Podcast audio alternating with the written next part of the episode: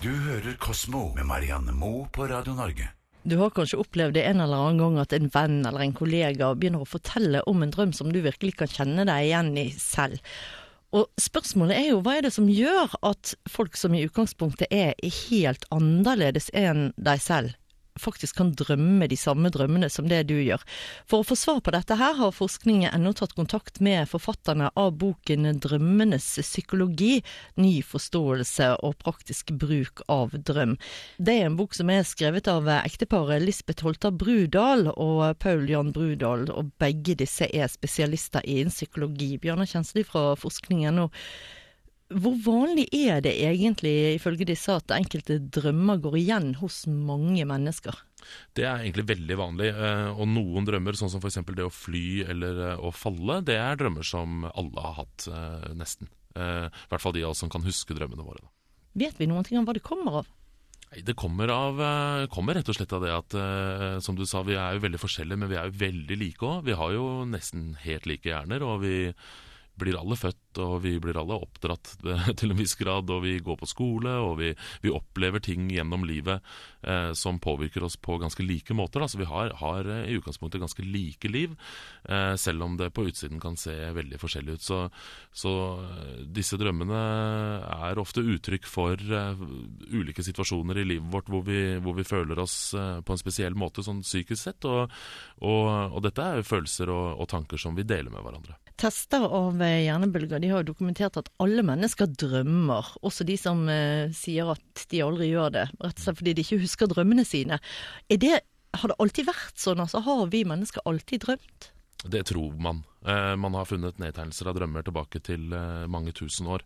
Eh, så det er man ganske sikker på at det er noe vi gjør, og, og, og på en måte alt vi har gjort. Og dyr drømmer jo også. Vi ser jo det på hunder og katter som ligger og sover på gulvet, at de, de drømmer. Og, og, jeg har jo sett hunden sjøl ligge og gjøre løpebevegelser og snusing og alt mulig i drømmene sine. Og de har også sånn rapid eye movement på, på øynene, hvor man ser fram og tilbake under, under øyelokka når man sover, og, og det tyder jo på drømming. Men nå vet vi selvfølgelig ingen verdens ting om hva det er de drømmer om, da, men, men at vi mennesker har mange av de samme drømmene, det vet vi.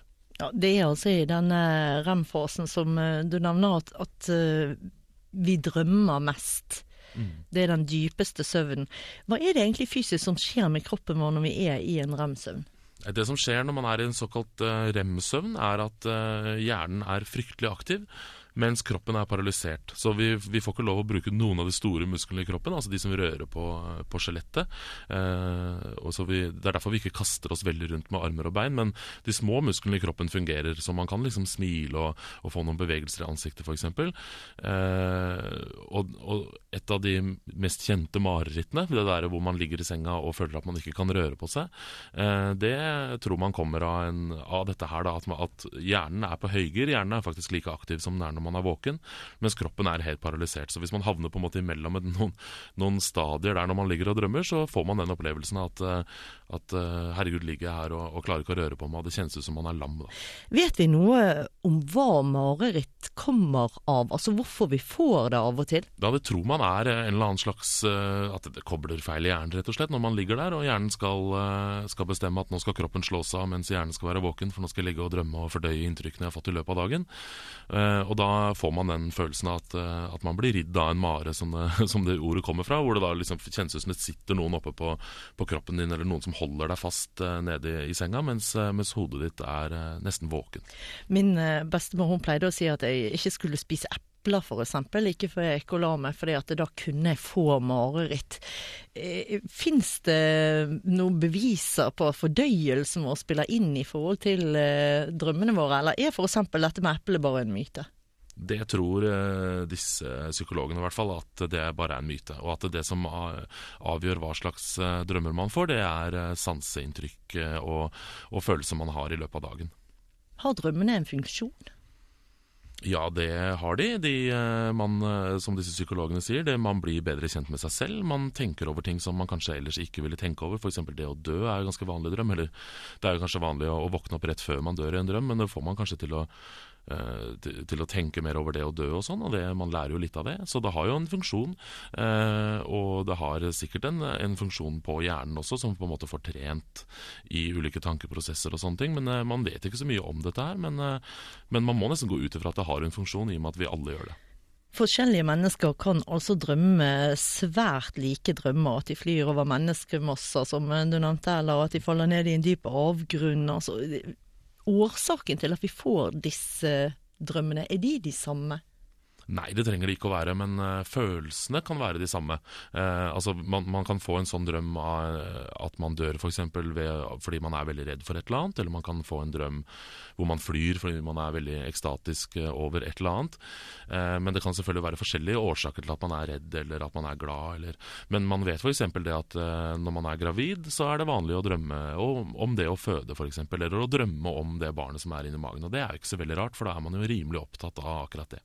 Og så drømmer man mer intenst, eller i hvert fall man husker drømmene sine bedre i enkelte perioder i livet enn i andre. Mm. Ja, det er helt riktig, men sånn er det egentlig med alt. Man husker alt mye bedre hvis det har skjedd i en, i en periode i livet hvor man, hvor man, er utsatt for andre på en måte ekstreme påvirkninger eller sanseinntrykk. Altså, sånn er det da også med drømmer. Hvis man eh, drømmer veldig mye rart når man er eh, et rart sted eller er i en, en, en uvant fase i livet, så vil man huske dette mye bedre. Drømmer har jo alltid vekket nysgjerrigheten vår, fordi at det er så ubegripelig for mange av oss. Mange ganger så våkner du opp og du, du kan le eller gråte, eller du kan være skikkelig redd. Hvordan er det i forhold til det å tolke drømmer? Altså, går det an egentlig å gjøre det bare ved å følge en oppskrift som man leser i en bok, f.eks.?